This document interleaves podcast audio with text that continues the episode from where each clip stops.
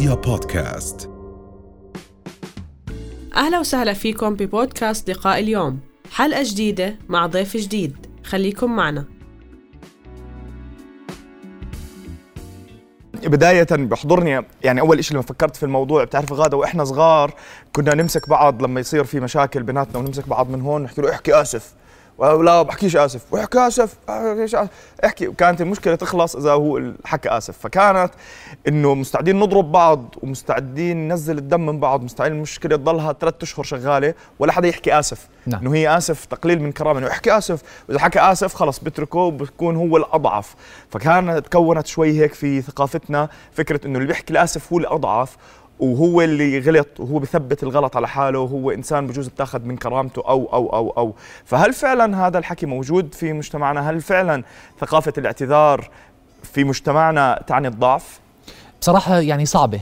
يمكن تربينا دائما إنه أنا بدي أختصر أحكي كلمة آسف لأنه إذا حكيت كلمة آسف وكأني عم بحط آه، نفسي أمامك بمشهد أقل. أو بصورة أقل فأنا لازم إني ما أعتذر. بحاول أدور على أي شيء ولا إني أعتذر. وبنفس الوقت في ناس بالنسبة لها حتى في مجتمعنا بتفضل إنها تخسر العلاقة ولا إنها تحكي كلمة آسف وتكون ضعيفة أمام الشخص م. الآخر. وهي صوره سلبية يمكن دائما موجودة عندنا إنه إنه خليني أختصر. خلص ما في داعي إني أحكي آسف ليش أوجع حالي وأوجع راسي وأورجيه إني أنا أضعف منه وأعترف إني غلطت. نعم. فهاي الثقافة يمكن ما تدربنا عليها ما تعلمنا عليها من وإحنا أطفال. تصير معنا كل يوم والله غادة بتعرف أنا امبارح صار معي موقف. يعني أنا قربت أصير 40 سنة وصار معي موقف لشخص كان لازم أعتذر منه نعم. غلطت أنا في حقه صراحة. وضليتني هيك معند مع حالي مع نفسي أنا عم بفكر لا بحكيش آسف. خلص خلص بديش أتعامل معه. نعم. خلص, خلص أحكي له بدناش نشتغل مع بعض ولا إني أحكي له آسف. ما بعرف ليش صراحة. فمبسوط أنا اليوم إنه عم نحكي عن هذا الموضوع. صح. طبعا يعني هو كمان في شغلة كثير مهمة بثقافة الاعتذار. إنه الواحد برتاح أكثر ما كمان حتى الشخص اللي عم نعتذر اعتذر منه هو برتاح. مم. يعني أنا اليوم لما أعترف بخطئي سواء كان بسيط أو كان كبير هذه النس... الموضوع نسبي حسب أنت إمتى عملته لمين عملته حسب كان للعائلة لشخص قريب عليك أو كان بالغلط أو أنت كنت قاصد ل... ل... لسبب أو ما يعني. ولكن قد هو بريح الشخص اللي عم بقوم بالاعتذار؟ صحيح لأنه يمكن الشخص لما يعتذر من الآخر هو زي كأنه عم بيصنع آه، قناة سلام بينه وبين الشخص الآخر. عدم الاعتذار وكأني عم بخلي الطرق آه، مشبكة بيني وبينك وكأني عم بخلي الدنيا مش مزبوطة وكأني عم بخلي الأمور معقدة عم بخلي حالي مش مرتاح. عدم الاعتذار عم بخليني أتعب بزيادة بدل عم بخليني أرتاح بزيادة. نعم. ليش هاي الفكرة مكونة عندنا؟ وهل هي لها علاقة بالمجتمع والثقافة؟ وفي أماكن أخرى لا. يعني ولا لها علاقة بالشخصية؟ يعني هل نحن لها علاقة بتربيتنا؟ ولا هي يعني أشياء شخصية في حدا بيعتذر وحدا ما بيعتذر؟ أنا أعتقد إن الموضوع مرتبط بالشخصية أكثر بتلاقي في شخصيات آه، برضه هاي جانب مش صحي تعتذر على كل شيء مع إنها مش دائما غلطانة. وبتلاقي في شخصيات نرجسية ما بتقدر تعتذر ولا على شيء والنرجسي هو الشخص اللي ما بيقدر يشوف الآخر بشوف حاله. مم. فأنا كيف بدي أشوف الآخر؟ فليه أعتذر منه؟ أنا شايف حالي أنا أنا. فتركيزي على أنا. ولما يكون تركيزي على أنا ما بقدر أطلع إنك أنت محتاج لاعتذاري واعتذاري يعبر عن تعاطفي معك. ولأني نرجسي ما بدي أتعاطف معك نعم. فهاي هي فكرة النقيضين نعم. الدونية والنرجسية مم. عشان هيك في أحد الكتب المهمة في المجال النفسي لكاتب اسمه جاري تشابمان زي ما كتب كتاب اسمه لغات الحب الخمسة المعروف كتب كتاب لغات الاعتذار الخمسة مم. ولغات الاعتذار الخمسة ركز فيها إنه إحنا ممكن نحكي اعتذارنا بعدة طرق مم. ممكن أنا بفرق معي كثير الناس تحكي لي أنا آسف. وكلمة أنا آسف معناته أنا بتفهم الموقف اللي أنت مريت فيه. أنا متعاطف معك وحاسس باللي أنا غلطت فيه بحقك. مثلا ممكن أحكي كلمة ثانية أنا ندمان. أنا ندمان معناها أنا ما راح أكرر. تكراري للخطأ ما راح يرجع آه، يزيد. ما راح راح أحاول أوقف. بس محتاج تعطيني شوية وقت. انه ندمي ما بيجي 180 درجة. لحظة. أنا محتاج شوية وقت حتى أعبر عن هذا الندم. مم. أيضا ممكن أحكي للشخص إنه آه، آه، سامحني. وهذا هون مثلا طلب غفران. إنه أنا محتاج إنك تسامحني محتاج إنه أرجع أستعيد العلاقة معك. نعم. وهدول اللغات بالمناسبة وبرضه مثلا ممكن أحكي للشخص إنه أنا غلطان. مش بس أنا ندمان أنا غلطان. أنا غلطان معناتها أنا عارف الخطأ اللي أنا عملته اللي ارتكبته بحقك وأنا قادر أفهمه وأنا متفهم جدا إني أنا أخطأت وما ببرر لحالي أي تبرير. وهاي الطرق أو هاي اللغات اللي إحنا عم نحكي فيها هلأ هي كل واحد فينا بيفرق معه إشي. يعني ممكن أنا بكفيني حدا يحكي لي كلمة آسف. في واحد تاني لا أنا بدي تعوضني. في لغة الخامسة هي التعويض إنه أنا محتاج إنه شو بقدر أعمل حتى أصلح غلطي. هاي مثلا لغة في الاعتذار مش غير عن كلمة آسف. أنا شو بقدر أعمل حتى أصلح غلط اللي غلطته بحقك؟ غادة يعني ما ما بدخل فيها الابتزاز إذا كان الموضوع مش مش مادي. يعني مثلا إذا في في مرجعية دينية للموضوع في هذا الشيء في مفهوم التوبة مثلا. نعم. مفهوم التوبة عند رب العالمين إنه واحد إذا عمل إثم معين بد وبده يتوب عنه بده يوقف الفعل أول شيء وبده يقرر إنه ما يعمله مرة ثانية. وبعدين إذا في أثر مادي أو أثر معنوي يعني بناء على هذا مثلا سرق أموال أشخاص بده يرجعها. قبل ما يحكي آسف يعني هو بده يندم وبده يتوب وبده يرجع المصاري. نعم. تأكيدا لكلامك على هاي الجزئية ميتا كلمة التوبة باليوناني ميتانويا. ميتانويا معناتها زي ميتافيزيقي فوق العقل.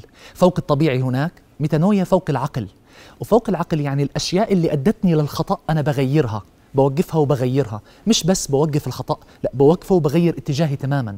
وفكرة الغفران والتعويض إني أنا بدي أغير اتجاهي تماما. لكن وين بتصير المشكلة عنا؟ بتصير بإنه عم بنحاول وهاي حضرتك يمكن أكدتها في البداية عم نحاول نلاقي بدائل للاعتذار. يعني أنا ببساطة بدي أبرر. أنا باجي بدي أعتذر من غادة لأني غلطت بحقها. باجي بحكي لها أنا شوفي أنا غلطت بس لأنه انت عملتي لا لا ما أنت جاي تعتذر ولا جاي تقولي لأنه انت؟ ولا تلوم. مثلا وهاي اعتذار ثاني بالمناسبة ده اعتذار بدافع اللوم. يعني أنا بدي ألومك. غلطتك هي السبب بغلطتي. طب أنت عم تعتذر ولا جاي تلومني؟ أيضا في اعتذار بنسميه اعتذار اطلع من راسي. أنا هيك بحب أسميه. اعتذار اطلع من راسي إنه يا أخي خلاص آسف حل عني. إنه مش لهالدرجة ما تكبرها كثير آه. يعني خلص مرقت. ولكن هون ال- يعني في كمان كثير وسمعنا العديد من الاعتذارات اللي بتكون مشروطة بمعنى إنه الشخص بقول لك أنا بسامحك نعم.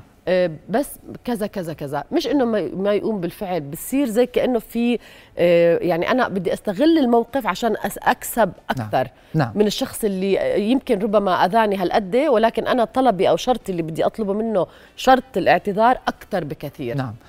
وللأمانة استعادة العلاقة ما بتحتاج ابدا إنه يكون الاعتذار مشروط. طبعا. طالما أنا جاي أعتذر وكأني جاي أقول لك أنا وف- وفاهم إني أنا غلطان ولا جاي أبرر ولا جاي شيء وهذا على فكرة صعب علينا. كلياتنا بتحسوا لما نيجي نعتذر من بعض بأي غلط. أنا لأني كنت هيك مباشرة بروح على أنا الاعتذار ما في أنا. الاعتذار في أنت. أنا جاي عشانك أنت جاي عشانك أنت مش جاي عشاني أنا. وهي فكرة يمكن بثقافتنا ما تعلمنا عليها كثير مباشرة لازم حتى طلاب المدارس لازم يبرروا مباشرة غلطهم. يمكن محتاجين نعلمهم إنه لا الغلط مش تركز على أنا تركز على الآخر. نعم. هو أستاذ يعني معروف إنه الاعتراف بالذنب فضيلة. صح. والاشياء الفضلة في الحياة هي من القيم ال- القيم النبيلة في الحياة ال- ال- مثل الجمال ومثل الأخلاق والفضيلة كمان من القيم ال- العليا. فالواحد لما يعترف بذنبه هو عم بي- عم للقيم الأعلى في الحياة بس إحنا مش متدربين بجوز وما بنعرف. صحيح. يعني كيف بدي أعلم حالي إني أعتذر؟ يمكن آه، هيثم محتاجين نفهم أصلا شو يعني كلمة إني أنا بطلب الغفران أو بطلب الاعتذار من الآخر.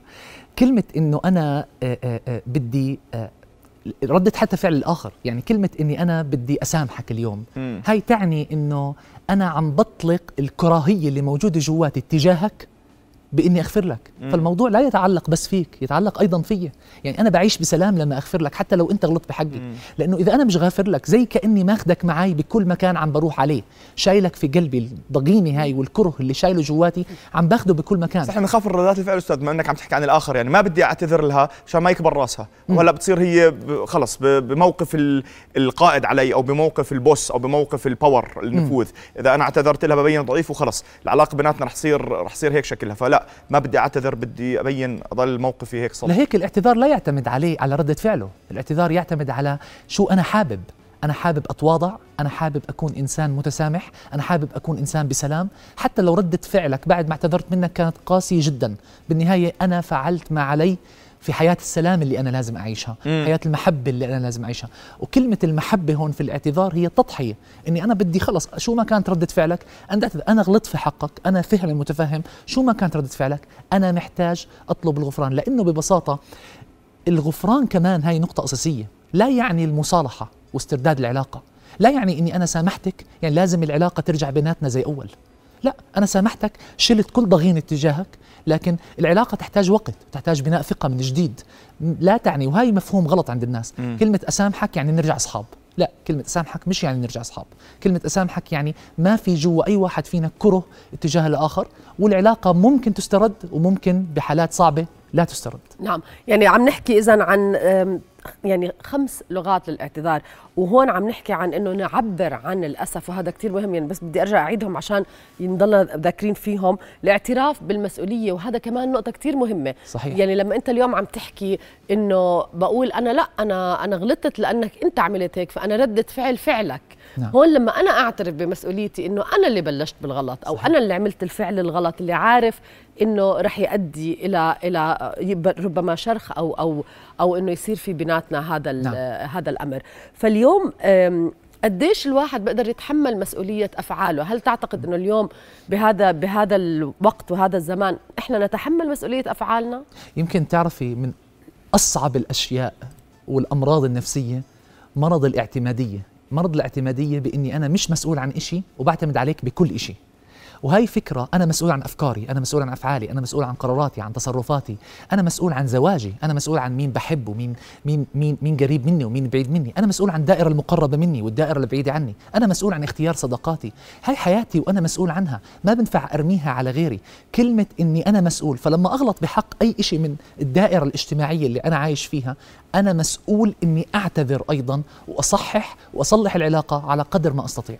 نعم. نعم. طيب أستاذ يعني هيك في النهاية لو بتحب تعطينا نصائح بشكل عام كيف ممكن إنه ندرب أنفسنا على الاعتذار؟ كيف نتقبل الاعتذار بدون فوقية؟ إذا اجى واحد اعتذر لي ما أنا أعطيه هذا الموقف الفوقي وأستغله وأبتزه وأصير أنا كمان آخذ من من من هذا الموقف اللي أنا اعتبرته ضعيف. فشو النصائح اللي بتوجهها للطرفين؟ الشخص اللي حابب إنه يتدرب على الاعتذار والشخص اللي لازم يتقبل الاعتذار بطريقة يعني جيدة. نعم. يمكن نصيحة للشخص اللي بده يعتذر ومستصعب الاعتذار بقدر أقول له آه، آه، لغة التواضع ولغة البدء في بناء علاقات صحية مع الناس تعتمد على هاي الثقافة ثقافة الاعتذار. إذا أنت شايف حالك مش عم تقدر تعتذر معناته هناك كبرياء مقنع خليني أسميه داخلك قد يكون غير معلن. أنت محتاج إنك تشتغل عليه. وعشان الشخص الآخر يقبل الاعتذار هاي النصيحة الثانية أنا بقدر أقول للشخص الآخر أنت ما بتسامح بس علشانه. فكر بهاي النقطة. أنت بتسامح علشانك قبل علشانه. وهذا أساس الاعتذار اللي بخلي الحياة مليانة سلام بيناتنا يا سلام. شكرا جزيلا لك ولوجودك معنا واهلا وسهلا فيك. أهلا وسهلا أستاذ يعطيك ألف عافية. رؤيا بودكاست.